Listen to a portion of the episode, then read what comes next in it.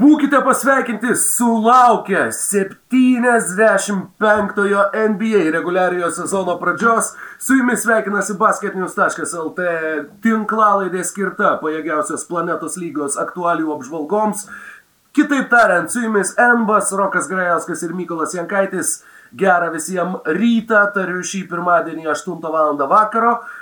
Miego režimas jau yra prisitaikęs prie NBA diktuojamų tempų, jau pats visiems sakau, kad išsikrausčiau į East Coast laiko juostą ir gyvenu 7 valandų skirtumu nuo to, kaip gyvena visi aplink mane. Kartu su manimi kolega, kuris negali sauliaisti tokių išsidirbinėjimų iš biologinio laikrodžio, Mykolai, sveikas gyvas, su praėjusiamis šventėmis tave ir kaipgi praėjo šventės ir kokios gi nuotaikos tave lanko pačioje sezono pradžioje. Sveikas, Rokai, sveiki, mėly klausytojai. Labai, labai fainas šventės, iš tikrųjų nepamenu, kada taip stipriai laukiau kalėdų, E, kaip jų laukiau dabar. Ir na, nors atrodo pakankamai keista, nes tos kalėdos netokios ne kaip įprastai, tačiau uh, po didelių vargų pavyko abiems seneliam į telefoną su, suinstaliuoti Zoomą, po dar didesnių vargų pavyko e, jiem nuotoliniu būdu paaiškinti, kaip juo naudotis, kaip atsiliepti skambutį, kaip šiaip Zoomas, nu net nepagalvoji, ant kiek yra komplikuota programa, nes tu jau atsiliepi į skambutį, bet tau visiems reikia paspausti, kad tu įjungtų mikrofoną toj programėlį, tada kai paspaudi, kad įjungtų mikrofoną, iššoka tekstas use, call using internet ar kažką reikia dar tą paspausti ir nu, visą tai išaiškinti vyresnio amžiaus žmonėm buvo pakankamai sudėtinga, bet pavyko. Visiškas highlightas kalėdų buvo, kai aš mačiutai paskambinau į namų telefoną pasakiau, kad dabar tu skambinsiu į Zoomą, atsiliepk e, per Zoomą ir jinai e, tada e, prisidėjus namų telefoną prie ausies atsiliepė į Zoomą. Ta, ir tada aš padėjau namų telefono ragelį, kad jie neįdėtų ir mes jau kalbėjom per Zoomą, bet jinai vis dar laikė kokias, nu, penkias minutės namų telefono ragelį, nes, nu, nesuprato, kad mes jau per Zoomą kalbamės. Tai, tai va tokios, bet šiaip tai, na, kaip ir visos tos istorijos e, Facebook'e, kurias turbūt daug kas matėt, kad e, ten e, seneliai vos nepaklausė, ar saugiai grįžot, ar ten, kad, kodėl maisto neįsidėjot ir taip toliau, tai tikrai vat, to, to, tokios visos emocijos buvo. Pašvenčių, tai man, man daugiau nieko nereikia. O kalbant apie NBA, tai vat, per šį trijų dien, išeiginių dienų laikotarpį visai pavyko ir pagyventi tuo tavo grafiku Tačiau nei vienos pilnos nakties neištempiau, bet visai su NBA League Pass pagalba ir rytiniu vat, tokiu va, maždaug blokavimu ir rungtiniu įsijungimu, nes buvau pamiršęs high scores funkciją įjungti, e, pažiūrėjimu visai, visai pavyksta atsigriepti ir e, labai smagu, kad mes, man atrodo, labai mažai tų pačių rungtynių matėm. Nu, jeigu atmestumėm kalėdinės, e, tai e, tiesiog visiškai vėl didelis jaudulys tiek prieš šią tinklalaidę, tiek šią sezono pradžioje labai pasilgau to netokio kokybiško krepšinio, kokį matėm burbulę, jis irgi turi savo šarmą, ša, savo žavesio. Na taip, NBA atrodo, jog ką tik tai pasibaigė, dabar vėl prasideda iš naujo, bet kai prasidėjo iš naujo, nuo pat pirmų rungtynių, nuo Nets prieš Warriors, uh, viskas tiesiog įsijungia kažkoks, nežinau, man bent jau asmeniškai toks mažo vaiko kalėdų jausmo uh, potyris, kuris taip visiškai įtraukia, užsupa ir nežinau, pats sėdi pats vienas ant kėdės ir lengvai šokinėjai, uh, besidžiaugdamas, kad gali vėl. Net ir tą muzikėlę vien išgirdus, aš nežinau, man, man pereina šiurpas per visur ir aš pradedu lydytis kaip, kaip uh, reiveris naktiniam klube ir man nereikia psitranso, man pakanka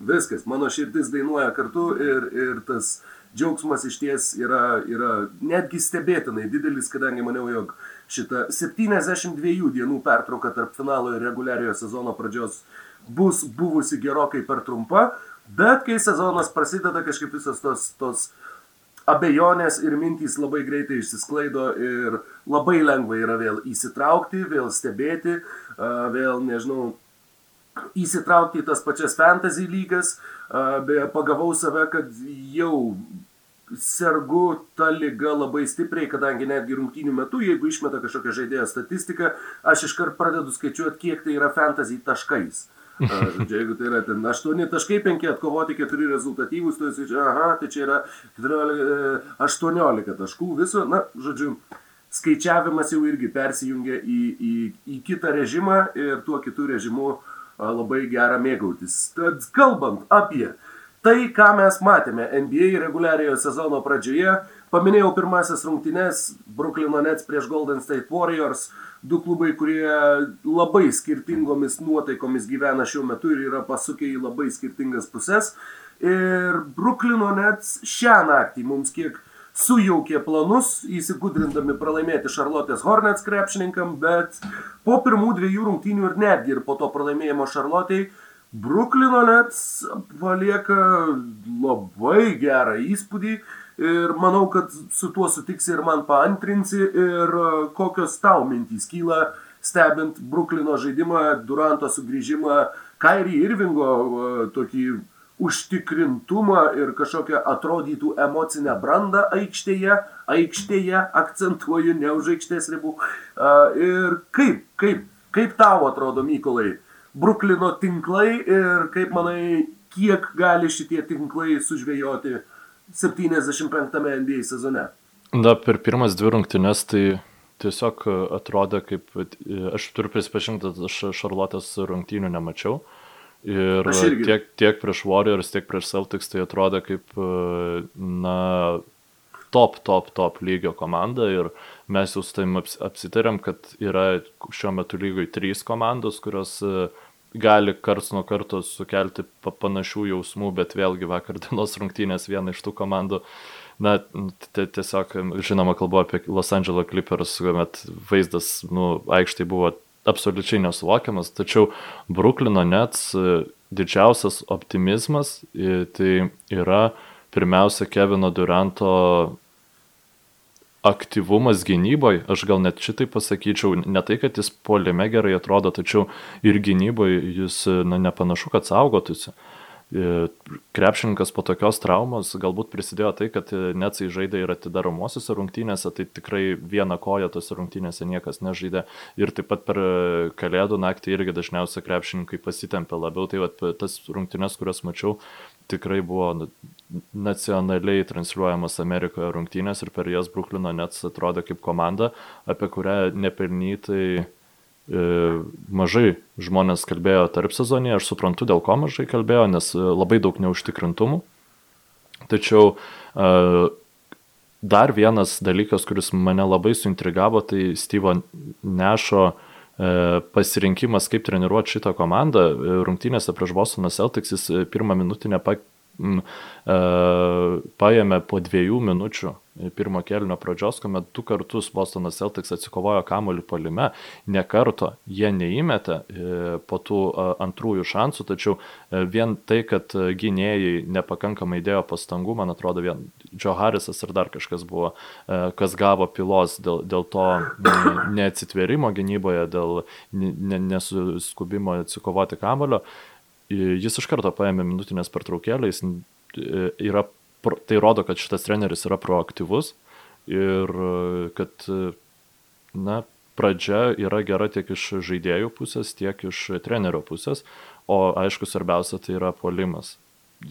Atrodo šiuo metu nesustabdomi Bruklino Nets, kuomet jie nori būti nesustabdomi. Aš tai neįsivaizduoju, kaip prieš jas galima apsiginti, tiesiog matant reguliarų sezoną. Jo, ir neįsivaizduoju, ką padarė Šarlotės Hornets ir galbūt iš tikrųjų Bruklinas tose rungtynėse dėl vienų ar kitų priežasčių nelabai norėjo. Galbūt ne tik apie pergalę, bet apie, apie visą mm, pasirodymą aikštėje. Kevino Duranto sugrįžimas, pirmi taškai dėjimas iš viršaus ir tai buvo iš karto įkvepiantis signalas, kad, kad jeigu ir jaučia tos traumos padarinius Durantas, o manau, kad be abejo jaučia, tai jie nėra tokie, tokie kaip pasakyti, e, destruktyvūs, kaip galėjome įsivaizduoti ir kaip esame matę su visai eilė kitų krepšininkų. Tad labai džiugu dėl Kevino Duranto, kadangi jau jį buvom kiek ir primiršę per praėjusį sezoną, kuriame jo nebuvo, o tasai sugrįžimas labai greitai parodė, kad šito žmogaus pamiršt negalima.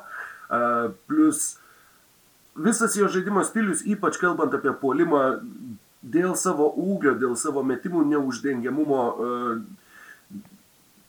netgi jeigu tas atletiškumas ir smuktų pakankamai ryškiai, puolime vis vieną jį sulaikyti bus žvėriškai sunku, kadangi metimas yra tas dalykas, kaip uh, lietuviai sako, talento nepragersi, tai, tai metimo tu nenusitrauksi kartu su Achilo sausgyslė ir būtent kalbant apie žaidėją su tokiu ūgiu, su tokiais fiziniais duomenimis, uh, sakau, Vienas dalykas, kuris mane erzina ir ką irgi pagavau kelis kartus, dar ir iki sezoninių rungtynių metu, ir tuo pačiu jau ir reguliariojo sezono pradžioje, tai yra, kai komentatoriai arba kažkokie, nežinau, ten šalia aikštės esantys žurnalistai, kalbėdami apie žaidėjus, kurie susitromavo labai stipriai, sako, o, nu bet, nu, jeigu jis, jeigu jis grįž bent 90 procentų tai, kas buvo, kur, nu, bent 90 procentų yra, yra absurdiškas išsireiškimas, kadangi jeigu jis grįž 90 procentų, tai nebus bent 90, tai bus net 90 procentų to, ką jisai turėjo prieš tai. O sakau, man kažkaip galbūt dėl to matematinio proporcingumo, nuolatinio skaičiavimo visame kame labai mane, mane veikia ir erzina va, būtent šitas išsireiškimas. Nes Taip, iš karto, sakai, kad... mhm. iš karto panojas klausimas, tai kas yra tie 90 procentų? Ar čia nu, nusijama 60 e, procentų atletiškumo ir visa kita lieka tas pats? Ar, nu, kas yra 90 procentų? 90 procentų būtent e, atletiškumo, jeigu jisai grįžva bent 90 procentų to, ką turėjo prieš nu. tai. Žodžiu, na, sakau, baisiai, baisiai erzinantis išsireiškimas, tačiau čia, čia, čia labiau a, pašalinė detalė. Kalbant apie, apie Nets ir paminėjai Steve'ą Nešą, mane nustebino ir maloniai nustebino tai, kad jie nežaidžia, m, nerotuoja tuo elementariausiu principu ir elementariausiu, kokį mes galėtumėm įsivaizduoti, turbūt galvodami apie komandą su dviem superžvaigždėm, tai yra atskyrinėti nuolat jų minutės ir žaisti taip, kad bent vienas iš jų būtų aikštėje.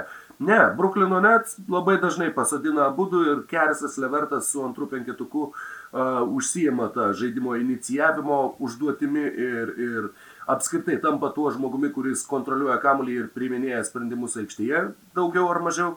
Uh, tad šito taip pat nelabai tikėjausi ir tai stebina pakankamai maloniai sezono pradžioje. Ir dvi pergalės, vienas pralaimėjimas dabar po tos nelabai ne, ne tikėtos ir net nelabai suvokiamos uh, nesėkmės prieš Charlotte's Hornets ir penkios komandos yra visoje lygoje šiuo metu, kurios, na, mūsų įrašinėjimo metu, tai yra prieš rungtynes iš pirmadienio į antradienio naktį, uh, Penkios komandos, kurios neturi pralaimėjimų, keturios rytų konferencijų, viena vakarų konferencijų.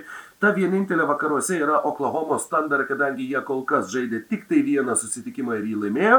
Visos kitos komandos, jeigu sužaidė bent dviejas rungtynes, yra patyrusios bent vieną pralaimėjimą. Ir tai taip pat jau signalizuoja, kaip vakarų konferencijoje bus viskas labai labai tankiai sugrūsta šiais metais, turbūt ne tik kovoje dėl atkrintamųjų, bet net ir žemesnėse pozicijose. Na, žinoma, vėliau atsifiltruos tas komandos, kai bus sužaista daugiau susitikimų, tačiau to ryškaus dominavimo nesimato nei, nei vieno iš klubų žaidime. O rytuose keturios komandos, kurios neturi nei vieno pralaimėjimo, yra Orlandas, Clevelandas, Indiana ir Atlanta. Tai tikrai ne tie klubai, iš kurių mes tikėjomės tokio, šimtaprocentinio starto. Bet apie juos, žinoma, pakalbėsim truputėlį vėliau, o kalbant apskritai apie rytų konferenciją, nepaisant to pralaimėjimo Šarlotė, mano manimu, Bruklino Nets palieka geriausią įspūdį uh, tarp visų rytų komandų ir šioje super ankstyvoje sezono stadijoje jie atrodo kaip rytų favoritai. Taip, labai smarkiai pasikeitė požiūris tiesiog į, į pačią komandą, kai tu pagaliau pamatai superžvaigždžių tas superžvaigždės žaidžiančias kartu ir taip pat, e, man atrodo, tas e, neša pasirinkimas neskaidyti e, lyderių laiko aikštelėje, tai, na, jis turi du, rezu, dvi, dvi pagrindinės argumentacijas, bent jau aš taip įsivaizduoju. Viena jų tai žinoma yra, nes taip tu esi stiprus su vienu Durantu aikštėje, taip tu esi stiprus su vienu Irvingu aikštėje, bet tu esi ne, galimai nenugalimas su jais abiejais aikštėje. Ir jie abu du aikštėje atkrintamosiose praleis labai daug laiko, tai kodėlgi ne, nepratinti jiems e, jų vienas šalia kito jau reguliariojo sezono metu, kiek įmanoma daugiau. E, bet taip pat Kerisas Levertas, na, nepaslaptis, kad e, šio žaidėjo vertę pakelti arba išlaikyti aukštą New Jersey klubui tikrai apsimoka. Ir jisai, ja, atsiprašau, Bruklino klubui tikrai apsimoka. Ir... Truputį grįžai beveik dešimtmečių atgal, bet jo. Nu, e, atleiskit.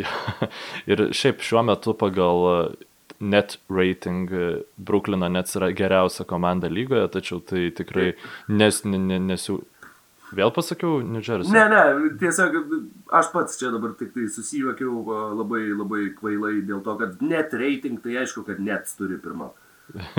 It's called net rating for a reason. Ir, bet dar kol kas siūlyčiau šitus reitingus, na, ne, nekreip didelio dėmesio, nes pavyzdžiui, prašiausia, trečia prašiausia komanda pagal šitą reitingą šiuo metu yra Los Angeles Clippers, na, dėl vakar vykusio farsą, aš, aš nežinau, aš įsijungiu tas pirmą kelinį, nuėjau ten išdžiausiu trūbų, grįžtų ir ne, nesuprantu, ką matau, tada ir antrą kėlį žiūriu ir kaip neįmeta, taip neįmeta Los Andželas. Tai visiška fantastika, ypač turint omeny, kad e, Clippersai na, labai gerai atrodė prieš Los Angeles Lakers pirmosiose rungtynėse. Ir Polas Džordžas tose rungtynėse buvo geriausias krepšininkas, kas yra labai svarbu iš jo visų atkrintamųjų nesėkmių perspektyvos, jam greičiau susigražinti pasitikėjimą savo jėgomis. Tai, na, e, tikrai ir taip pat Seržas Ibaka labai atrodo puikus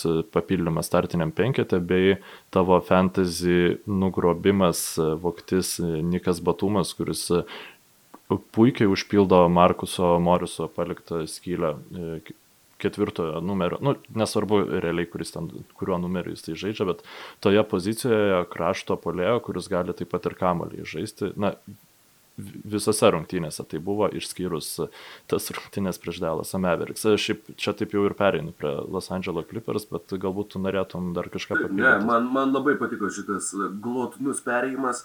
Uh, kalbant apie Clippers, jo, tai buvo vienintelės sezono rungtynės, kurias pramiegojau ir kai, kai pamačiau rezultatą, tai jis ir atrodė kaip iš sapno ir atrodė, kad kas per velnės čia įvyko.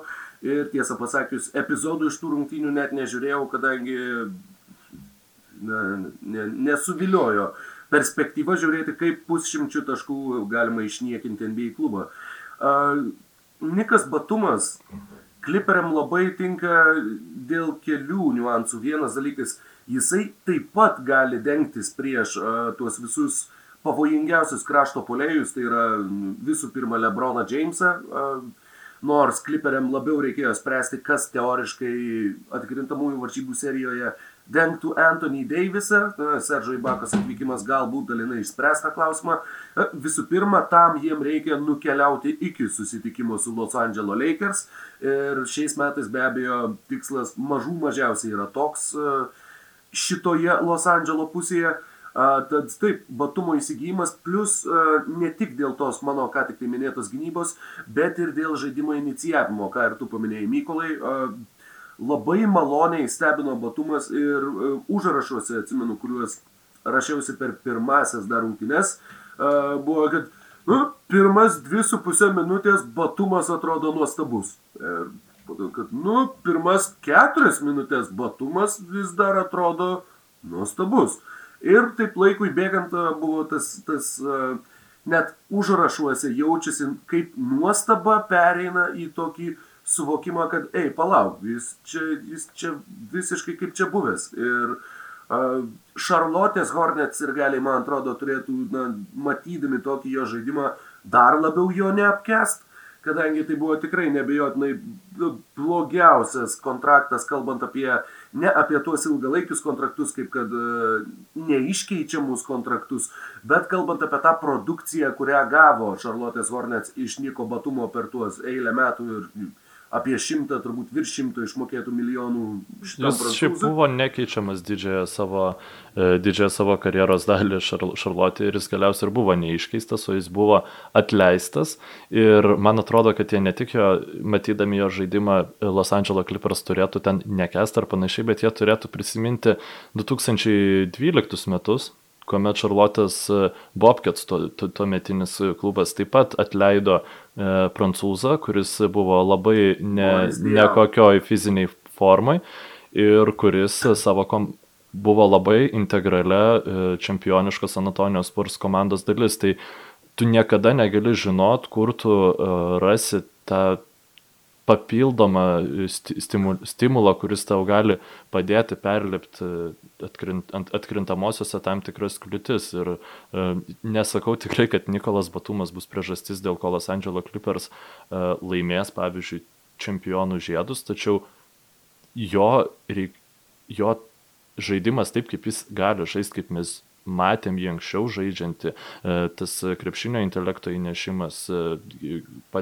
pagalba gynyboje, kamoliu, e, kamoliu judėjimui ir taip toliau tikrai bus didelė paspirtis Los Angeles Clippers, nes jis jau atvyko geresnės formos ir aš manau, kad jis turėtų dar įgauti geresnę formą reguliariojo sezono metu. Ir klausimas yra, pasveikus Markusui Morisui, ar Markusas Morisas grįš į starto penketą? Labai rimtas klausimas. Ir nenustepčiau, jeigu Morisas žaistų nuo suolo, kadangi būtent dėl to žaidimo inicijavimo, ko neturi iš esmės Patrikas Beverly, ko neturi, na, kažkiek tai turi ir bent jau du prieš du žaisti gali Reggie Jacksonas, bet jisai irgi nėra įžaidęs. Jis ne, ir jis nebus starto penketo žaidėjas. Taip, taip, a, bet, na, taip, jo, visiškai teisingas pastebėjimas. A, tad jo, starto penketį jiem irgi trūksta žaidimo kūrimo ir Nikas Batumas išsprendžia net keletą klausimų a, prisijungdamas prie komandos. Ir taip, jeigu ieškosi žmogaus, kuris tau padėtų perlipti per kliūtį atkrintamosiose, tai jeigu Šarlotė atleido prancūzą, imkį. taip, taip, taip. Sprendžiant iš šitų pastarųjų pavyzdžių. A, ir taip, Los Angeles Clippers na, vėl tos trečios rungtynės, kurios buvo kosminės, sujaukė tą pradinį įspūdį. Ir e, kalbant apie tas kosminės rungtynės, atrodo, kad, na, kaip čia pasakyti, yra toksai jausmas šio sezono pradžioje, kad yra nužiauriai daug sutriuškinimų, nusiaubingai daug rungtynių, kurios baigėsi plus 20 taškų skirtumų. Tam, žinoma, įspūdį gerokai sustiprino uh, tam, na tai tuomet tam įspūdį, velnės, tą įspūdį gerokai sustiprino kalėdų visa, visas kalėdinis rungtynių maratonas, kur nebuvo ne vienų faktiškai rungtynių, kurios turėtų iki galo intrigą, tai net ne faktiškai, o na, iš tiesų ne vienų rungtynių.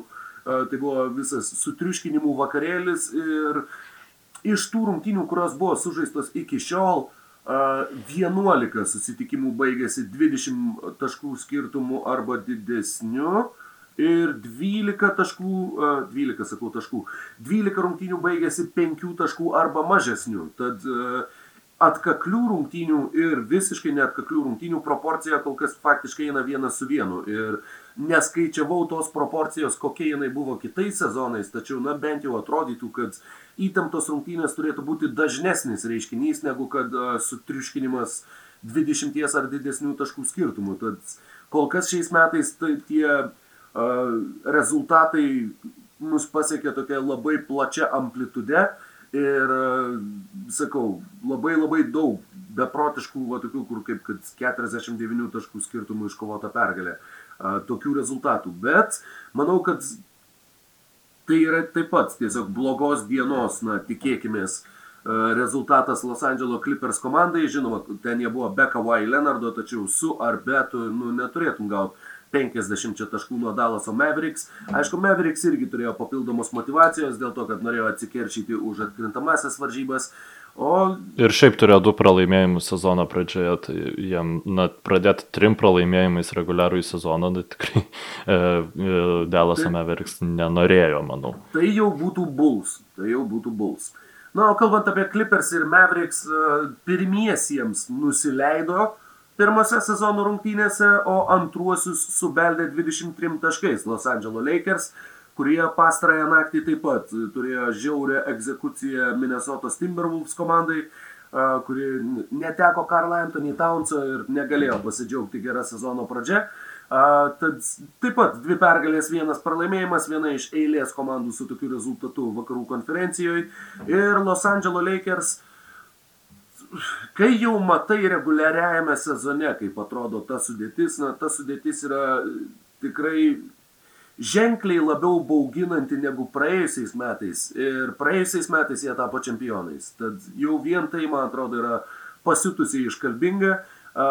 Tinka tai komandai tiek Montrezas Herelas, kuris nuo suolo tampa krepšininku, nu, tuo energijos pliūpsnių, kuris patraukia komandą ir trauks ją būtent reguliariajame sezone. Tai uh, Neabejotinai dėl atkrintamųjų varžybų ir dėl to, ar jisai žaistų septintų rungtynių lemiamomis minutėmis, čia yra kita diskusija, bet kalbant apie būtent reguliarų į sezoną, jisai komandai bus tikrai labai, labai naudingas.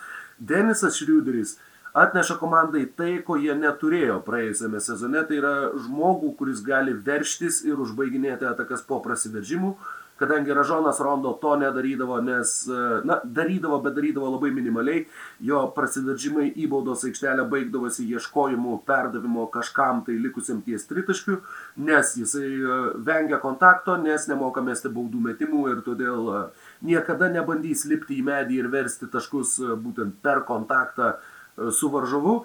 Ir ta papildoma puolimo dimensija, kurią atrakina Denisas Šriuderis, taip pat yra ginklas, kurio Lakers uh, sakau, neturėjo, ar bent jau neturėjo tokio ryškaus ir uh, jo įtraukimas į komandą taip pat bent jau kol kas vyksta labai labai sklandžiai. Uh, jeigu buvo galima įsivaizduoti, kad galbūt bus sunku suderinti visus dalykus, uh, taip pat rasti tinkamus derinius, uh, integruoti tuos naujus krepšininkus, tą patį Marką Gasolį.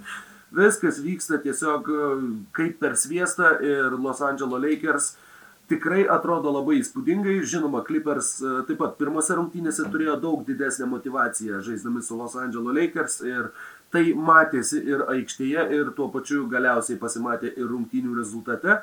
Bet Los Angeles Lakers e, prieš pat sezono pradžią buvo laikomi absoliučiais šio sezono favoritais ir manau, kad ta sezono pradžia šito įspūdžio neturėjo niekam išsklaidyti. Ar neišsklaidė tau, Mykolai? Taip, be abejonės, kad ne, neišsklaidė pergalė, įti, įtikinanti pergalė prie, prieš Dalaso Mavericks, kuomet ne, nelabai turėjo e, šansų visų rungtynių metų užsikabinti už jų Dalaso klubas. Ir svarbu paminėti vieną dalyką, kas mane itin nustebino, kad didžiąją tų rungtynių dalį Luka Dončičių gynė Denisas Šriuderis. Tai šito aš iš e, vokiečio tikrai nesitikėjau. Ir e, jeigu jūs ir toliau e, gins ir, sakykime, pakankamai sėkmingai gins e, komandų žvaigždės, turbūt šiek tiek įdomu, ar jis taip pat galėtų sėkmingai gintis prieš aukščiausios klasės gynėjus, ten visiems jau reikia kitokių gynybos įgūdžių, reikia gebėjimo lysti iš už užtvarų ir panašiai, na, tačiau čia jau sezono eigoje pamatysim, bet tai įtvirtins Denisą Šriuderį kaip startinio penketo ir pagrindinės rotacijos krepšininką, ko aš šiaip nesitikėjau, ypač kalbant apie atkrintamasias. Kol kas Los Angeles Lakers atrodo labai stipriai ir, na, aš kadangi pasėmiau Lebroną Jamesą į fantasy savo tą komandą, na, matau, kad jis žaidžia nu maksimaliai atsipūtęs. Ir kaip šitaip atsipūtus galima visiems rinkti ten, tu vos ne patrigubą dublį per rungtynes, aš neįsivaizduoju, būdant 36 metų, ar ne? 36 e, jam bus poryt mūsų laidos įrašinėjimo laikų, gruodžio 30 tai, dieną. Tikėtina, kad kai jūs klausote, jau, jau Lebronas Džeimsas yra atšventęs savo gimtadienį arba be, be švenčias, to jau bus, tai taip tas tikrai yra labai įdomu. Prieš Clippers matėsi problemos tame, kad, na, Markas Gazolis, nepaisant to, kad jisai yra e, aukšta ūgis, praplečiantis aikštelę, bet jisai nelabai pats nori mesti iš toli, e, nelabai šiaip ir pataiko, na, tie visi dalykai, kuriuos matėm jau ir paskutiniais metais Toronto Raptors gretose, kuomet jis žaidė. Um, Tiesa, vakarykštėse rungtynėse tai tokį įspūdingą tritaškį įmetė Markas Gazolis. Ir taip pat, kuomet aikštėje buvo Deivisas su Herelu, jie na, netrodė labai gerai kartu, tačiau čia tik tai tos pirmos rungtynės. Tai e, kažkokias dar koherentiškas išvadas darytis man yra ganėtinai sudėtinga, e, bet pagrindo išmesti Lakers iš tos pirmosios e, favoritų kepu, kepurės. E, jo, aukščiausias spintelės. Aukščiausias spintelės mes tikrai, tikrai neturim absoliučiai jokios priežasties. Atskirti jos nuo Los Andželo, nuo Bruklino ir nuo um, Clippers aš dar taip pat nesiryščiau kaip išreikšti kaip pačios e, didžiausios favoritės e, laimėti e, NBA žiedus. Nes didžiausias favoritas man yra tada, kada aš duodu, galiu duoti daugiau negu 50 procentų galimybę, kad būtent šita komanda laimės žiedus. To tikrai negalėčiau pasakyti apie jokią komandą šiuo metu. Na, žinoma, sužaidus trejas sezono rungtynės, tai ir nėra dalykas, kurį būtų racionalu kalbėti, kad ir kaip. Nu, nebent tai yra 17 metų Warriors. Tai. Na jo, tada net ir trejų rungtynių nereikėjo. Kalbant apie trejas rungtynės ir apie įspūdžius, kuriuos palieka komandos, trejos rungtynės, trys pergalės ir kol kas iš tiesų labai solidžiai atrodantys Indianos Pacers. Pirmi du susitikimai, žinoma, buvo rungtynės, kurias jie tiesiog na, turėjo laimėti. Mūšis su Bostono Celtics buvo uh, pirmas realesnis išbandymas ir pirmas realesnis testas Indianos komandai, kadangi pirmose dviejose susitikimuose buvo žaidžiama su New York Knicks ir Chicago's Bulls, dviem sunkius laikus šiame sezone veikiausiai išgyvensinčiomis komandomis, o Pacers štai taip su, su Domanto Sabonio uh, na, tiesiog pribloškiančių sezono startų. Karjeros rezultatyvumo rekordas pirmose rungtynėse, penktas karjeros trigubas dublis antrose rungtynėse, pergalį išplėšęs metimas trečiose rungtynėse ir jausmas, kad belieka tik tai džiaugtis ir didžiuotis tuo, ką, ką demonstruoja Domantas aikštėje. Ypač mačius visą jo karjerą, NBA karjerą nuo pat pirmų rungtynių, nuo pat pirmo sezono Oklahomoje. Uh, matyti šitą augimą ir, ir um, progresą ir dabar jau tokį pilnos tikrai NBA žvaigždės statusą po to, kai jis pradėjo savo karjerą kaip uh, nuo tritaškių metantis Russelo Westbrooko ketvirtas pėstininkas uh, lentoje, kur vienintelis Westbrookas yra karalienė, kuri vaikšto kaip nori, o visi kiti juda tik tai po vieną langelį. Tai yra, sakau, labai labai malonus dalykas, aš neatsidžiaugiu tiesiog tuo, ką, ką rodo, ką demonstruoja Domantas Sabonis. E, žinoma, norėtųsi geresnio baudų metimų pataikymo procento, tačiau tai jau yra e, tiesiog ieškojimas dantų tenai, kur jų ieškoti nereikia. Ir e, Indianos Pacers su trimis pergalėmis, koks taip pat, koks tau įspūdis, Mykolai, kiek, kiek sakykime, kiek realus tau atrodo šitas Pacers uh, labai geras startas, kiek ilgai jie jį gali išlaikyti, ar jie gali savo keltis kažkokius labai aukštus tikslus šiais metais, bent jau, tarkim, pratesti patekimų į atkrintamąsią seriją ir nutraukti pralaimėjimų pirmame jų etape seriją, ar visgi tai taip pat dar yra pernelyg ankstyva sezono stadija, mes dar nematėm jų realiai, na, realaus pajėgumo, ar, nežinau, ar tu apskritai skeptiškai žiūri į šitą, šitą jų trejų rungtynių, e, kol kas bent jau auksinį e, pirmąjį trigubą žingsnį šiame NBA sezone. Nu, aš būčiau absoliutus idiotas, jeigu po tokių trijų, uh, ypač po pastarųjų rungtynių prieš Bostoną Celtics, kur aš netikiu, kad Bostonas nesistengia, aišku, Bostonas turi kitų problemų, jie neturi Kemba Walkerio, labai nekaip kol kas atrodo čia fastygas, ypač uh, paskutinėse dviejose rungtynėse tikrai, na, prieš stipresnės gynybas sudėtingai atrodė. Tačiau Domantas Sabonio žaidimas, e, na, ant popieriaus atrodo nerealiai. Aš turiu prisipažinti, aš nemačiau nei vienų iš tų trijų rungtynių. Ne, na, planavau pasižiūrėti Čika, rungtynę su Čikagos Bulls, tačiau po pirmo kelnio išjungiau, nes Čikagos Bulls man tiesiog yra komanda, kurios aš suprantu, negaliu prisiveržiūrėti, nu, niekaip, tai yra tiesiog absoliučiai baisu, nesvarbu pasir. Galvau, kad čia dėl Boileno, ne, Prie Donovano ta komanda taip pat netrodo labai e, geriau ir turbūt nėra kitos komandos, kurios taip nenorėčiau rungtynių žiūrėti kaip Čikagos Bulls. Na, tiesiog. Tai, bet vienas, vienas dalykas, kurį mm, mat, mačiau ir norėjau tavęs paklausti, Domantas Sabonis nemetė per tris rungtynės ne vieno vidutinio metimo, ne vieno metimo iš vidutinio nuotolio. Kaip manai, ar tai yra Ar tai yra dalykas, kuris tęsis toliau ir ar tai, ar tai yra naujo trenerio nurodymas? Jo, manau, kad tikrai taip.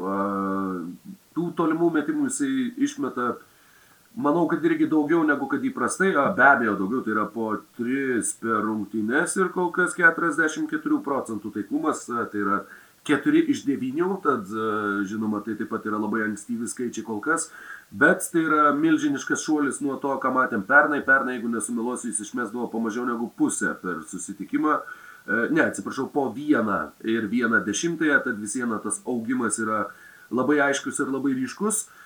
Ir ja, tai yra naujos, naujos žaidybinės filosofijos e, padarinys ir viena iš detalių, kurias Neitas Bjorgrenas bando įdėkti savo komandai.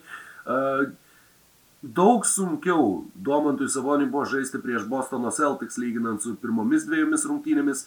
Celtics atrodo kaip ta komanda, kuri yra savotiškas kriptonitas Domantui Savoniui, kadangi galima atsiminti ir ne pastarasias, bet prieš beveik pusantrų metų vykusias uh, atkrintamasis varžybas, kur tiesiog na, suvalgė Domantą Sabonį Bostono Celtics, a, nieko negalėjo padaryti Domas, buvo tiesiog a, atkertamas, a, kad negalėtų verštis kairę ranką, a, žaisti kairę ranką ir to pakako tam, kad na, ta statistika lyginant su reguliariuoju sezonu būtų labai labai silpna a, Domo serijoje su Bostono Celtics. Ir šitose pastarosiose rungtynėse taip pat, na matos, kad Bredas Stevensas visų pirma yra labai labai gerai savo varžovus reguliariame sezone išsistudijuojantis treneris, lyginant su kitais treneriais, kadangi jų žaidimas prieš Domantą Sabonį buvo akivaizdžiai paruoštas su labai aiškiomis instrukcijomis, buvo net kelios klaidos, kur kai Domas atkovojęs kamuolį, metas į varžovo aikštės pusę, pats bandydamas kuo, na, didinti žaidimo spartą, būtent tuo, jog atkovojęs kamuolį žaidėjas pereina į per vidurio liniją. Tomis akimirkomis žaibiškai tiesiog būdavo sudvigubinama ar net sutrigubinama gynyba ir išprovokuojami prarasti kamuoliai. A, tai yra taip pat, na, kol kas tas žaidimo elementas, kurį reguliariajame sezone, ypač prieš žioplesnius klubus, Domantas Sabonis galės naudoti labai efektyviai, tačiau Bostono Celtics parodė, kad uh, netgi ir reguliariajame sezone atidesnės komandos gali tuo naudotis, o atkrintamosiose varžybose apskritai tą, tą daryti gali būti labai labai sunku. Uh, tad yra tų niuansų, plus uh, visai neužilgo jie žais ir antrą kartą tarpusavyje, tai galėsim pažiūrėti, kaip, kaip Domantui Saboniui seksis toje dvikovoje.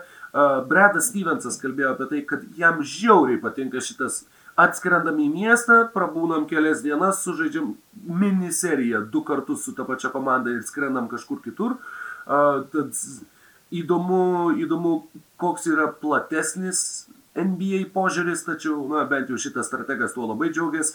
Kendrikas Perkinsas apie tai kalbėjo transliacijos metu ir sakė, kad jam labai labai patiktų, nes jisai galėtų pailsėti nuo vaikų, pailsėti nuo žmonos, tiesiog būti viešbučio kambarį ir žiūrėti visą dieną sportą ir niekas jam dėl to neknistų proto, kad jis yra tingus šunsnukis, kuris nieko nedaro, tik guli ant sofos ir žiūri sportą visą dieną.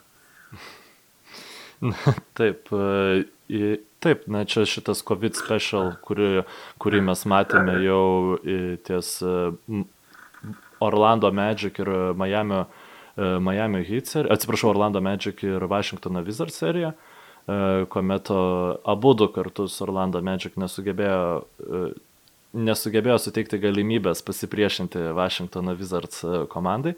Wow, ir, čia gerai Jeigu mes jau e, baigiam ties e, Indianos Pacers, uh, žinai, tai dar pabaigai norėčiau. Baigti, jo, aš irgi norėčiau porą dalykų paminėti. Uh, vienas, okay. TJ McConnellas fantastiškai tiesiog atrodo bent jau kol kas šitam sezone ir Tas antras penketukas, beje, kurį dažnai naudodavo ir Neitas Makmilanas, tą patį daro ir Neitas Bjorgrenas, tai yra keturi atsarginiai krepšininkai ir Domantas Sabonis, žaidžia nuostabiai kol kas šitam, šitam sezone per tas trejas rungtynes, dar ir dėl to, jog kamulio spaudimo, sakykime, gynyba, nežinau kaip tai kitaip apibūdinti, bet ne tiek pozicinis išsidėstymas ir toks kantrus žaidimas, bet labai labai dažnas spaudimas ir atakavimas, netgi nebūtinai per pusę aikštės, taip sakant, kai varžovai pereina į tavo aikštės pusę ir tu bandai spausti juos, bet net ir tokiuose labiau pavienėse situacijose atrodo, jog visi žaidėjai yra instruktuoti dažnai ieškoti perimtų kamolių, tiek ir atakuoti perdavimų trajektorijas, tiek ir būtent labiau spausti kamolį kontroliuojančius žaidėjus ir nebijoti tuose situacijose rizikuoti gauti pražangų ar, ar atverti kažkokias skylės gynyboje savo už nugaros.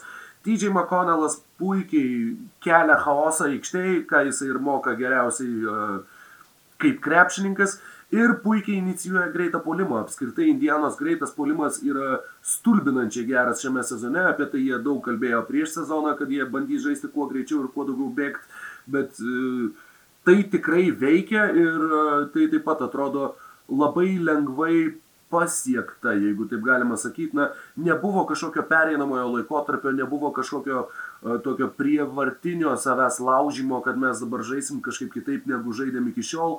Labai sklandus tas perimas atrodo, kad tiesiog komanda yra atrakinta ir ta stiprioji pusė, kuri visada buvo kaip ir akivaizdi, vad būtent dabar yra atskleista ir uh, jie komanda naudojasi tiesiog puikiai ir TJ McConnellas yra to antro penketuko viena iš varomųjų jėgų. Uh, ypač kalbant apie greitą polimą. Ir dar vienas žmogus, kuris žaidžia kol kas, mano akimis, geriausią savo karjeros krepšinį, yra žmogus, iš kurio aš to visiškai nesitikėjau prieš šitą sezoną, tai Douglas McDermottas.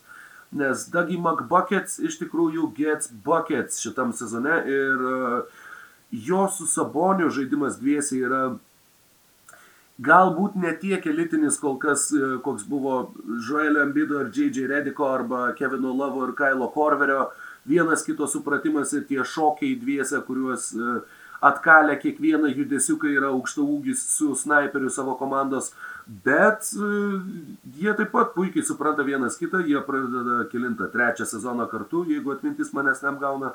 Ir Dagas McDermottas atrodo labai geros sportinės formos ir tuo pačiu labai labai tinkamai išnaudojamas ir e, tikrai taip pat svarbi dalis to, kad Indianos Pacers atrodo taip gerai. Jis kol kas meta po beveik 14 taškų nuo atsarginių žaidėjų suolo ir pataiko mažiau negu 30 procentų tritaškių, kas mane ką tik tai šokiravo pamačius šitą skaičių, bet ir su tuo taiklumu jisai tikrai yra beproto naudingas komandai ir labai labai daug įneša į Pacers žaidimą. Tad šitie du tokie nekasdieniški herojai tikrai nusipelno būti paminėtais, kalbant apie gerą Pacers sezono startą.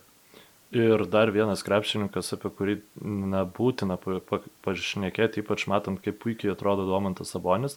Tai yra krepšininkas, kurio jeigu Danny Angels nebūtų toks, kaip čia apžora, e, jo net nebūtų buvę Indianos Pacers komandai ir tai yra Milesas Turneris. Ir man, na, matant, kaip Milesas Turneris atrodo šalia Domanto Sabonio, atrodo, kuo toliau, tuo labiau keistos tos visos mintys, kurias aš pats skleidžiau nuo, nuo pat...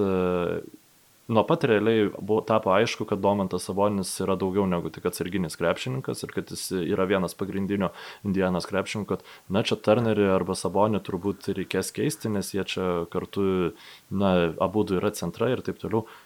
Na, tai kaip Milesas Turneris prisitaiko prie Domanto Sabonio polime ir kaip jis maskuoja Domanto Sabonio minusus gynyboje yra absoliučiai nuostabu. Ir šį, šį sezoną jis pradėjo su aštuoniais blokais prieš Niksus, yep, yep. su keturiais blokais prieš Čikagą ir penkiais blokais prieš Bostono Celtics. Tai yra, na, visiškai siautė Malsas Turneris. Beprotiški skaičiai tikrai. Ir paskutinis dalykas, kurį noriu pasakyti, tai jeigu uh, E, taip jau bus, kad olimpinėse žaidynėse, į kurias Lietuva be abejonės papuls, e, bus kokios lemiamos e, rungtynės ir bus lemiama ataka. Ir jeigu Lietuvos rinktinė priims bet kokį kitą sprendimą negu atsiprašau, dabar pasakysiu anglicizmą, paskui pasiūlysiu e, lietuvišką atitikmenį jam, negu fake handoffas iš Valančiūno arba Domanto Sabonio, tai aš absoliučiai ne, nesuprantu tada krepšinio, nes tiek Domantas Sabonis šiandien ikoniškai e, su tuo aš siūlau vadinti handoffą padavimu, o fake handoff vadinti, na, pagazdinančių padavimų. Jo, netikrų padavimų, padavimo imitacija, bet padavimas yra nuostabus terminas. Ir tiesiog prisi, na, per keturias sekundės pagazdino, kad duos kamalį Brogdanui, savo patogia kairė ranka prasiveržė link krepšį ir pelnė du taškus su pražanga, lygiai tą patį padarė Jonas Valančiūnas prieš Milokį. du metus. Dar jau tris. Tokio. Man atrodo, Galvoju, prieš kiek čia laiko, prieš galbūt porą su trupučiu.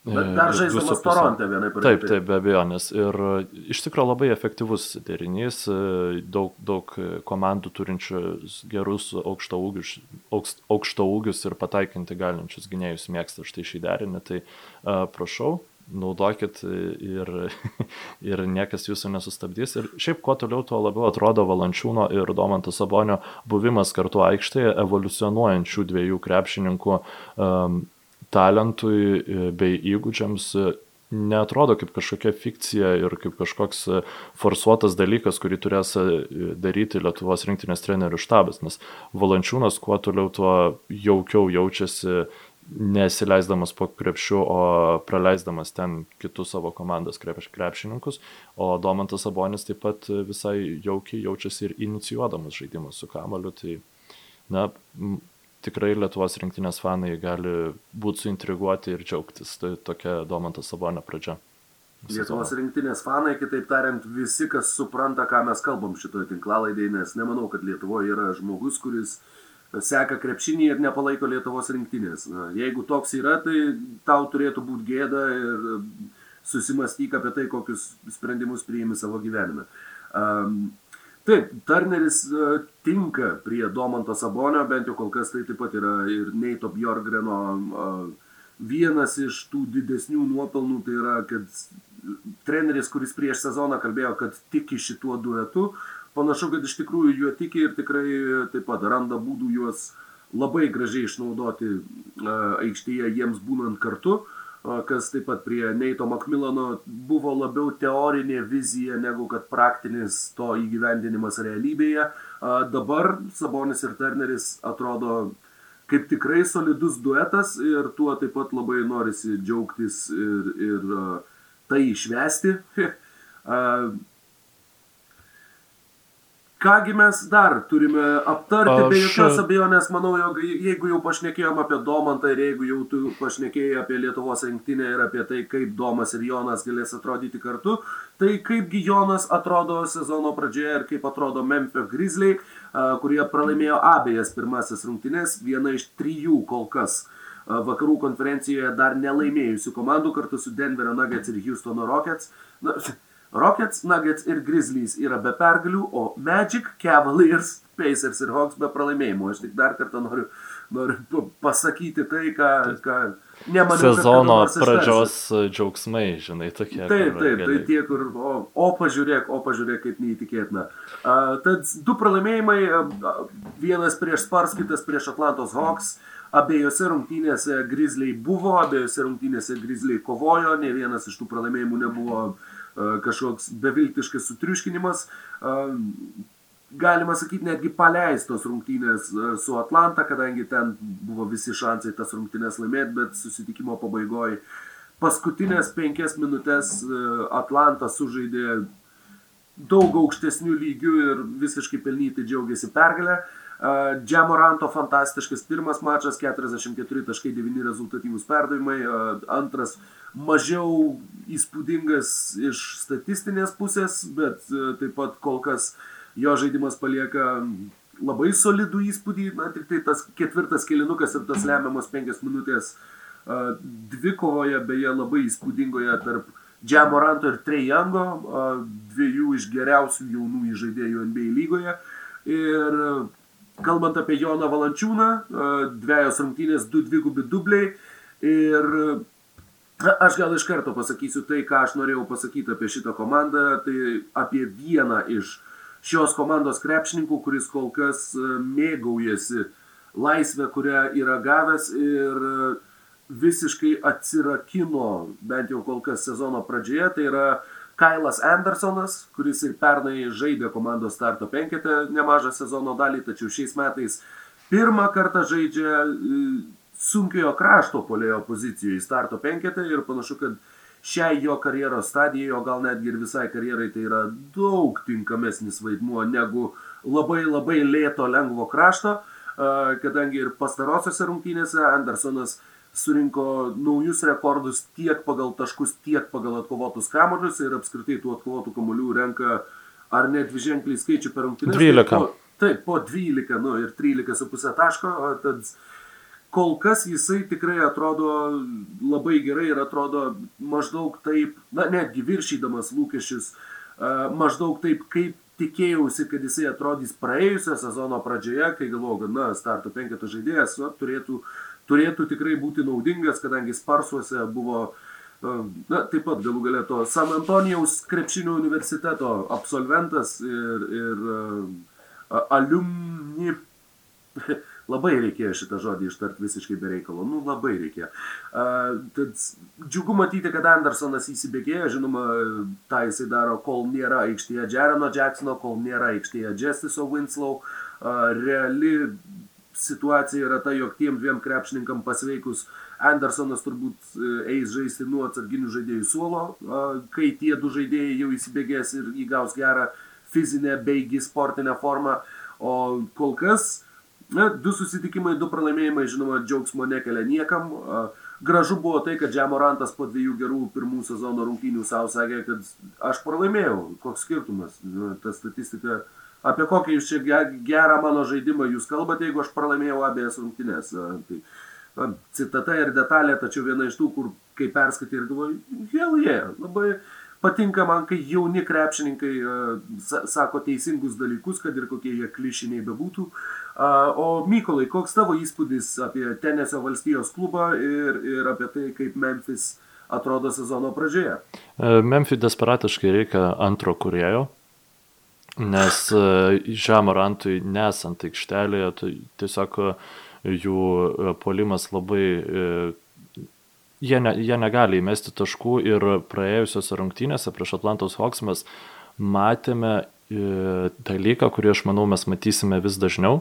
Tai yra Jonas Valančiūnas e, antroje rungtynių pusėje žaidė kartu su atsarginiais tam, kad sugeneruotų bent kiek daugiau polimo. Tuo, tuo tarpu e, Brendanas Clarkas paskui jau paėmė šiek tiek jo minučių iš starto penketo. Ir tai tikrai nėra dėl to, kad va čia Jonas Valančiūnas blogai žaidžia ir jis nevertas būti starto penketo, bet tiesiog Jonas pats gali sugeneruoti kažkiek taškų atidengti kitų komandos draugų, pritraukdamas e, po, po krepšių kitus e, priešininkų gynėjus. Ir e, aš manau, kad ilgainiui E, ypač kai grįž Winslow, kai grįž Jarenas Jacksonas jaunesnysis ypatingai, mes matysim Joną Valančiūną vis daugiau kartu su atsar, atsarginiais Memphis krepšininkais, tam, kad e, Memphis nenupultų visiškai, kuomet Žemorantas atsisėda pasilsėti. Vienas dalykas, kurį noriu pasakyti, jo, tas Tai labai jautėsi pastarosiose rungtynėse, jas žiūrėjom abu, žiūrėdami susirašinėjom, tam buvo tas skaičius, kur kiek Pirmame kilinuke Grizzliai su Džemorantu plus 8, bet Džemoranto minus 15, kažkas tokio ten per tas vos kelias minutės praleistas be jo, bet e, komanda žaidė be D'Antoni Meltono. E, ir D'Antoni Meltonas yra patyręs, man atrodo, neįpatingai sunkia trauma, galbūt savaitėjai, galbūt porai yra iškritęs iš rykiuotės ir būtent jos toka taip pat buvo labai ryškiai iliustruota tais skaičiais, kadangi Tajusas Jonesas, nors ir yra teoriškai gerai žaidimą kuriantis įžaidėjas, žmogus, kuris ne vieną sezoną pirmauja NBA pagal rezultatyvų perdavimų ir klaidų santykiai, bet, bet kažkaip va, be D'Antoni Meltono ir tik tai su Tajusu Jonesu sukurti Memphis nepavyko nieko per tas keletą minučių, tad D'Antoni Meltono sugrįžimas taip pat dar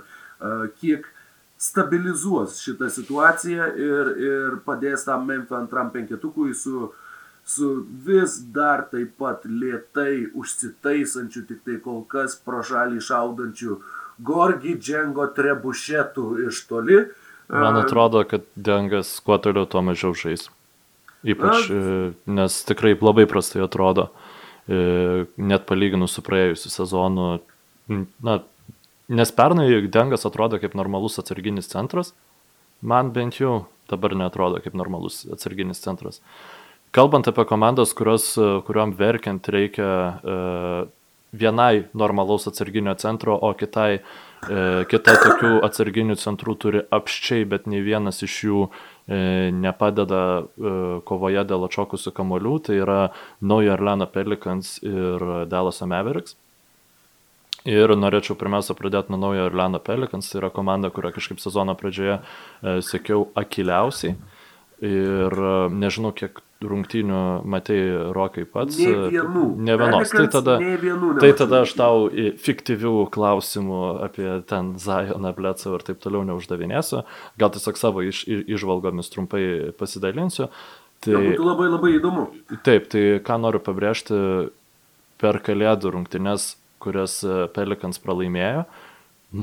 Man jų tas pralaimėjimas mane kažkaip įkvėpė labiausiai, nes jie uh, hit pakankamai anksti susikrovė pranašumą, nes ten pataikė absoliučiai viską ir uh, Zionas Williamsonas, su, jeigu su aikštelėje buvo ne su Stevenu Adamsu, tai tiesiog gynyboje na, labai lengva buvo hit, hitam išmesti laisvus metimus, tačiau kai Zionas užsivežė, užsivežė, užsivedė, na, tokio fizinės jėgos e, monstro, aš visieną, kiek, kiekvienos jo rungtynės yra, aš atrodo, kad tą krepšininką matau iš naujo žaidžiantį, aikčioju balsu, žodžiu, kaip, kaip jisai įsiveržia po krepšiu. Ta prasme, jisai nepataiko tritaškių, tu šiaip jo galėtum neginti ties tritaškių, bet jeigu tu jo negini ties tritaškių, ką tai reiškia, tai reiškia, tu leidai jam įsibėgėti. Ir tada jau ne, nebesvarbu, ką tu prieš jį pasistatysi, jeigu jam duosi tris žingsnius įsibėgėti nuo tritaškio, tai tu negali,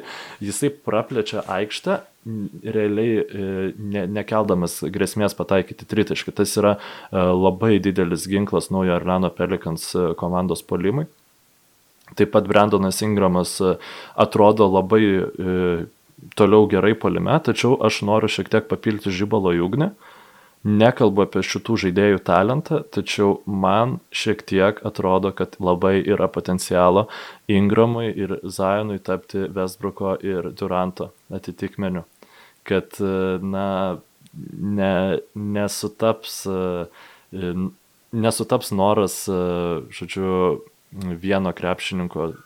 Nu, Zajonas vis vien pritraukia daugiau dėmesio negu Ingramas ir man atrodo Ingramui tai gali nepatikti. E, na bent jau man tai atrodė, kuomet Zajonas vertė taškus absoliučiai kiekvienoje atakoje, Ingramas jam kartais net nepabandydavo papasuoti, tai na, čia aš galbūt žiūriu per daug į kavos tirščius ir e, tas, noriu intrigų ar panašiai, tačiau reiktų stebėti šitą situaciją. Mano nuomonė tokia yra labiau netgi iš to, ką nupasakai, nežinau kodėl, bet labiau priminė net ne Westbrooką ir Durantą, o Garnetą ir Stefaną Marburį. Čia toks seno žmogaus atsiminimai, bet būtent tas, kai, sakykime, nesusitarimas ir kažko, kažkokia trintis komandoje atsiranda būtent dėl to, kad vienas iš krepšininkų labai įsižeidžia dėl to, kad kitas yra vertinamas geriau negu jisai. Westbrooko ir Duranto aš nemanau, kad tai buvo. Tai buvo tiesiog, na, žaidybinis, kur tu... Durantas tiesiog pavargo žaisti su Russellu Westbrooku ir nusprendė, kad geriau būtų žaisti be Russello Westbrooko. O jeigu tai yra būtent iš tos pusės, vat, kad tu lieki šešėlyje komandos draugo, nors tavo akimis tu viską darai puikiai ir dar geriau negu jisai, tai man atrodo, kad čia yra vat, būtent labiau Duranto Marbury pavyzdys. Bet aš tik, tik taip. aš tik noriu pabrėžti, kad e, absoliučiai jokių argumentų ta prasme, nėra jokios informacijos, kad Ingramas kažką būtų sakęs arba Zajonas ir panašiai. Tiesiog e, iš to, ką mačiau aikštėje, man susirodo toks įspūdis, kad na, nedega noru Ingramas tiesiog duoti kamuolį Zajonui ir stovėti kampe ir laukti perdavimo. Bet ką norėjau pasakyti, e, tai kuomet ant suolo atsisėda Stevenas Adamsas, ta komanda nupuola visiškai. Jacksonas Heisas atrodo krepšininkas, kuris negali žaisti absoliučiai NBA lygoje šiuo metu, nors atletiškumo jis turi turbūt ne mažiau negu Jamesas Weismanas arba kiti e, elitiniai atletiškumo klausimų centrai lygos. Weismanas tikrai nėra elitinis kol kas centras jokių būdų, bet na, tiesiog absoliučiai nesigaudo gynybos rotacijose, absoliučiai nesupranta, kada padėti, kada atsitraukti, kada blokuoti. Jonas Valančiūnas, jeigu žaistų prieš Jacksoną Heisą, jis turbūt įmestų šimtą taškų per rungtynės, nes jis absoliučiai kiekvieno pagazdinimo pašoka. Na, žodžiu, e, ir tai matosi minutėse, Jacksonas Heisas žaidžia vis mažiau. E, Nikolo Melė teoriškai ant popieriaus turėtų būti labai geras tikmuo e, šalia šalia Zaino Williamso, tačiau nors jis bando žaisti kaip Maxi Klyberas, e, žaidžia Dalase, na jam nei polime taip nesigauna gerai žaisti ir nekalbu apie gynybą, kur gynyboje Maxi Klyberas yra tikrai labai puikus uh, krepšininkas ir vienas, netgi sakyčiau, geriausiai besiginančių Dalaso komandos krepšininkų. Uh, tačiau... Ta kartelė nėra labai aukštai, bet... Na dabar Dorianas Finis Smithas, Jasonas Richardsonas e, net yra gerai besiginantis e, e, krepšininkai. Tai, žodžiu, atsarginis centras yra pozicija, kurią užkamšyti turėtų būti labai nesudėtinga ir aš labai tikiuosi, kad pavyks tą padaryti naujo Orleano Pelikans, nes kad ir kaip jie stebėtinai gerai atrodytų Stevenui Adamsui esant aikštėje, jam atsisėdus tas ta idėja, kad Zajonas gali žaisti penktų numerių, tikrai nėra teisinga, nes tiesiog tada jie praleistų kiekvienos atakos metu. Tai tiek apie Naujo Orleano Pelikans, o man, man Dallas Mavericks. Pan... Smagu, kad paminėjai tenai tame paskutinėme sakinyje, jog stebėtinai gerai atrodo su Stevenu Adamsu, kadangi uh, prieš sezoną, kiek kalbėjom, tau būtent jo įsigijimas atrodė kaip taip, labai taip, didelė taip. naujo Orleano klaida, o dabar, kaip suprantu, tas įspūdis kažkiek pasikeitė, ar ne? Taip, visiškai pasikeitė, e, gerai, gal ne visiškai pasikeitė, man atrodo, kad ilgainiui, nes jie dar pratęsė ir Adamso kontraktą taip pat, ne, nelaukdami e, šiaip, nu, kaip sezonas rutuliosis ir panašiai, ilgainiui, man atrodo, visiems jiem būtų buvę geriau mėginti pasinaudoti tuo, kad uh, Milesas Turneris atrodė prieinamas mainų. Uh, tačiau, na, tikrai, Stevenas Adamsas visą karjerą žaidė su krepšininkais, kurie nesugeba pataikyti iš toli. Tai su Westbrooku, su Andre Robertsonu, kiek jisai e, minučių aikštėje kartu praleido. Tai jisai kažkaip moka netrukdyti taip ypatingai, o plus aš kažkaip neįvertinau, kad Zainui Williamsonui, kai jisai įsibėgėja, tai nelabai jau yra didelio skirtumo, ar ten ateina padėti kas nors e, nuo Adamso ar neteina. Žodžiu. Tai, tai taip e, ir atrodo tikrai labai simpatiškai būtent e, startinis penketas, e, tik tai aš manau, kad tą startiniam penketą G.G. Redikas labai greitai atsidurs vietoje Eriko Blecau, nes Blecau yra geras e, tik tai tada, jeigu jis pataiko iš toli, o band, tikėtis, kad tai bus jo stiprioji pusė, na, aš manau, būtų naivoka iš naujo Arleno Pelikans trenerių štabo. Tai yra, tai yra greta Lonzo Bolo, ar ne? Taip, nors tai, tai, bolas tai šiaip. Keturi nemetantis, na, bolas kažkiek meta, kažkiek pataiko, tas metimas jau nebėra beviltiškas, bet tai yra Lonzo, Blecau, Zajonas ir Adamsas. Tai taip, vienintelis taip, taip. Ingramas iš esmės galintis atakuoti, na, tai dažnai atakuoti taip. iš toli. A, nors tai tikrai. Aišku, Blecau, aš norėjau, aš ruošiausi tiesiog pasakot, kaip sunku buvo Duncanui Robinsonui, nes įgynė Erikas Blecau, kuris taip puikiai išlenda iš už užtvarų ir per pirmus du kelnius Duncanas Robinsonas įmėtė 8 tritaškius. Tai, tai gal tikrai reiktų pabandyti e, kelti Eriką nuo atsarginių suolo arba žiūrėti, pavyzdžiui, galbūt pavyktų jį kažkur išmainyti. Nes aš manau, kad Erikas Blecau tam tikroje komandai visiems tikrai dar turi savo vertę. Tai nėra minusinės vertės krepšininkas, kaip galėtų manyti kai kurie kiti e, žmonės. Kaip manai, ar Dalaso Mavericks, kaip Dalaso Mavericks galėtų išspręsti problemą dėl gynyboje visiškai ne, net kovojamų kamolių, kas per Los, Los Angeles Lakers rungtynės, rungtynėse su Los Angeles Lakers, aš tikslių skaičių dabar neatsimenu, bet Lakers bet įmetė virš 30 taškų antraisiais šansais, atkovodami apie, atkovodami apie e, kažkur 18 kamolių polime ir jie prametė vos 2 ar tai 3 kartus iš pakrepšio. Tai reiškia, kad nebuvo tie e, prametimai Los Angeles Lakers, tie, kur, nu, Andrė Dramondo spe, spe, specialieji firminiai, kur ja, bumsinė. Ja. Taip, taip.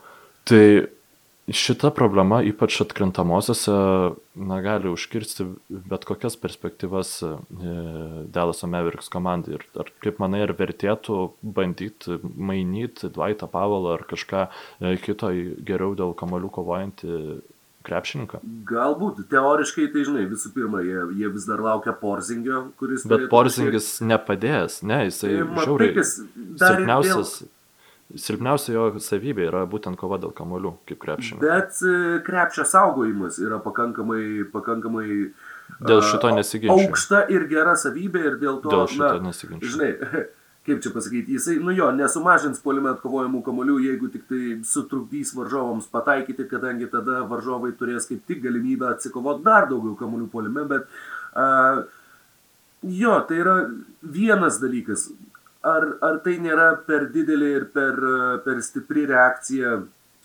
po būtent rungtynių su Lakers, kadangi Lakers prieš visus gali taip susirinkinėti kamuolius, jie turi priekinę liniją tam tiesiog Dievo duotą ir e, tai, ką matėm prieš Dalasą, manau, kad matysim prieš dar ne vieną komandą šiame sezone, bet buvo tas skaičius beprotiškas, kur iki rungtynių galo negalėjau, sakykime, įsitikinti tuo ir neradau elementariuose statistikos puslapiuose, įprasčiausiuose tai ESPN arba NBA.com, būtent antrųjų šansų statistikos nepateikia kažkodėl ne vienas iš tų puslapių. Gali rasti taškai baudos aikšteliai, bet vat, atskirai second chance points nėra. Ir labai norėjau tą pažiūrėti, kadangi ten gal trečio kelnio gale ar ketvirto pradžioj antrų taškų antrų taškų. Antrais šansais pelnytų taškų skirtumas tarp Lakers ir Mavericks buvo berots 26-0 Taip, tai jie, ne vien, jie taip ir nepelnė ne, ne, ne vieno tai, taško. Ne, ne, nesu matęs turbūt tokio varianto, kur viena komanda sumeta virš 30, o kita nepelno ne taško. Uh, tai, sakau, klausimas, kiek tai bus realia problema rungtyniaujant su bet kuriuo faktiškai kitų klubu, o ne su Los Angeles Lakers. Bet uh, taip, na, Dvaitas Paulas taip pat grįžo po labai sunkios traumos ir uh, Klausimas, kiek greitai jisai įsivažiuos ir, ir kiek jisai pasieks apskritai to lygio, kurį buvo pasiekęs prieš tai, kuriame žaidė prieš tai ir tuo pačiu, ar to lygio, kuriame jisai žaidė prieš tai, irgi ar jo užtektų komandai norint, norint kovoti dėl aukštesnių tikslų. Uh, tad Dalaso Mavericks, Jošo Richardsono įsigijimas man labai patiko ir uh, dabar matau, kad iš tikrųjų kaip įsivaizdavau tą žaidėją tenai atrodantį, taip jisai ir atrodo, tai yra labai gera gynyba ir tuo pačiu daug didesnė laisvė puolime negu Philadelphia 76ers klube ir e, čia jisai daug geriau tinka ir daug geriau atrodo ir manau, kad e, sezonui bėgant atrodys tik tai dar geriau. O, bet vis viena, na, Dalasui, mano akimis, nu, nu, daryk, ką nori, bet nu, reikia dar to, to didžiojo trejeto trečio nario kadangi vien tik tai su Luka ir Porzingiu aš nežinau, kiek, kiek daug ir kiek toli tu gali nueiti, na, galbūt tai kažkoks gynybos ir atkovotų kamolių specialistas, bet e, nežinau, kiek irgi tai yra realu, e, kiek realu yra tai, jog būtent tokio tipožo žaidėjas, kuris atsakytų į va šituos klausimus, taptų ta esminė detalė, kuri pakeltų Mavericks iki dėl titulo kovoti galinčios komandos statuso. Taip, žaidėjas, kuris šauna iš karto į galvą yra Dreymondas Grinas, jeigu Golden State Warriors toliau žais taip, kaip žaidžia šiuo metu. Tačiau ir realiai Dallas Mavericksai net e, nekalbant apie Dreymondą Griną, bet apie apskritai bet kokius mainus nėra taip, kad jie turėtų labai daug sukaupę vertingų kažkokių tai jaunų žaidėjų, šaukimų ar panašiai, kurie galėtų tau tą trečią žvaigždę atnešti. Uh, pagrindinė viltis buvo, žinoma, laisvųjų agentų rinka. Dabar na, reiks žiūrėti, ar jam pavyks pasiimti tą tą vat trečiąją žvaigždę per, per ateinantį langą, nes taip žinoma, jeigu jie būtų ją nepasiemę, tai būtų na, nekvestionuotinai didžiausi favoritai laimėti žiedus jau kitą sezoną.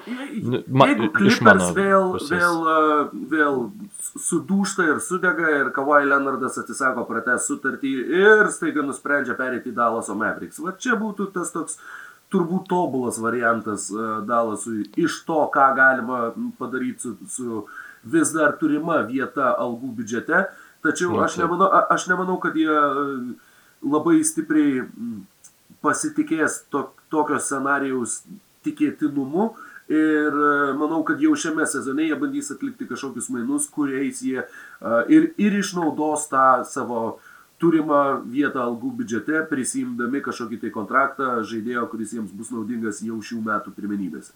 Teoriškai Kevinas Love gerai kovoja dėl komolių ir puikiai atrodytų polime, bet nu, čia būtų absoliuti tragedija, jeigu jie nuspręstų jį išsimainyti. Bet aš ja, norėčiau bent ja. jau pamatyti, kaip jis ten atrodo. Um, Dar turi kažką ties Dallas Mavericks, ar galim judėti ties? Ties Dallas Mavericks neturiu ir manau, kad uh, taip skaniai užsikalbėjus reikia, taip sakant, ne, ne, pasistengti nepersivalgyti ir uh, daug dar dalykų, daug komandų žinoma, kurių nepaminėjom, galbūt nepaminėjom ir e, kažkurio iš mūsų klausytojų ar žiūrovų mėgstamos komandos ir nepašnekėjom apie tai, kaip sekasi jai, bet uh, paskutinė komanda, kurią norėčiau labai trumpai aptarti šiame mūsų epizode, turbūt paskutiniajame, na ne turbūt, o jau turbūt, ne turbūt, o jau turbūt tikrai paskutinė. O jau tikriausiai. 2020 metų epizode šitų keistų, trenktų, velnio neštų, pamestų, purvynę pavoliotų, apspjaudytų ir dar įkritusių į lakų į smėlį pakeliui namo metų epizodą. Tad ta komanda yra tris pergalės ir nulį pralaimėjimų turintys Clevelando Cavaliers, už kuriuos aš labai nuoširdžiai džiaugiuosi kurių aš tikrai nemaniau, kad uh, įsijungus pirmas rungtynės, taip sakė, e, nu, pažiūrėt, nu, tai kaip jie atrodo. Pernai, man atrodo, aš nuoširdžiai nežiūrėjau nei vienų jų rungtynių. Dabar aš kažkaip taip pusiau juokais įsijungęs vienas, jau norėjau įsijungti ir kitas, ir tada žiūrėjau ir trečias, ir uh, rungtynės su Detroito Pistons, kurie žaidė du pratesimus, buvo apskritai tiesiog, na, tokios, kaip čia pasakyti, ne krepšinio esteto galbūt akiai, bet būtent iš to, nežinau, iš, iš kinematografinės pusės, tai buvo uh, dramaturginės pusės, buvo pasitusiai smagios rungtynės ir man džiauriai patiko jas žiūrėti ir aš tikiu ir suprantu šia, šiai dienai, kad aš žiūrėsiu ir daugiau Clevelando Cavaliers rungtynių, savo norų žiūrėsiu ir uh, tai jau yra pasiekimas, kurio aš nie pro kur nesitikėjau Cavaliersam šitam sezone. Uh, tai yra tapti bent kiek žiūrėtina ir įdomia komanda. Ir bus labai įdomu stebėti, kaip toliau jiems seksis kovot na, dėl net nežinau tiesą pasakius ko. Nes atkrintamasias varžybas, manau, tikrai. Dėl vietos įkrintamosiose įkrintamosiose. Manau, kad tai yra aukščiausias tikslas, kurį jie gali savo kelti. Aš nežinau, kiek jis yra racionalus, bet, bet tuo pačiu norim labai padėkoti bičiuliui. Velnes neužsirašiau, kas toks man atsintė šitą terminą. Tu įsivaizduoji, koks aš žioplys.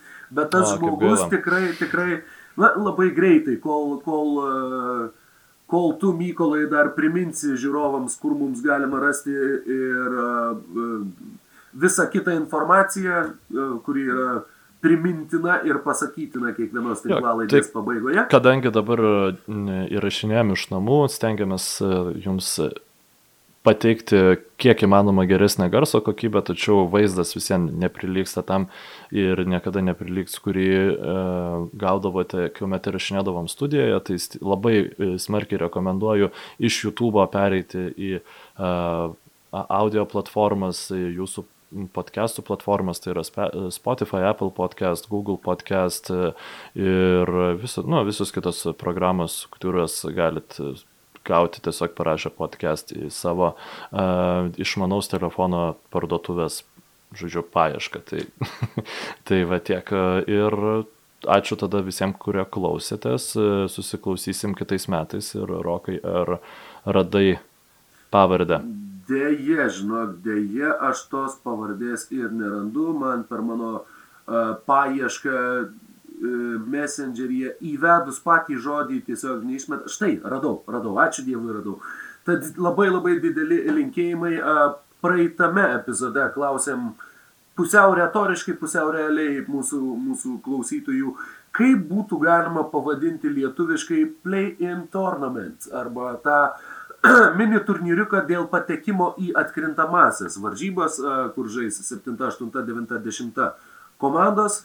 Tai dideli, dideli linkėjimai Gyčiui Blaževičiui, kuris pasiūlė terminą įkrintamosios ir sukėlė labai didelę ir nuoširdžią šypseną ir susižavėjimą tiek man, tiek Mykolui. Tad ačiū tau Gyti ir ačiū visiems, kurie buvot su mumis šiais kalendoriniais metais kartu. Ačiū, kad domitės NBA krepšiniu lietuviškai, ačiū, kad e, palaikote šitą dviejų, e, dviejų bepročių iniciatyvą skirti dėmesį keistiems nišiniams dalykams ir ačiū tiems keistiems nišiniams žmonėms, kurie mūsų klauso ir e, seka mus ir palaiko mus. Ir beje, kažkas labai labai susiekiau, kad kažkas šitam pačiam interneto puslapyje Basket News LT rašė labai piktą komentarą dėl to, kaip taisyklingai aš kalbu.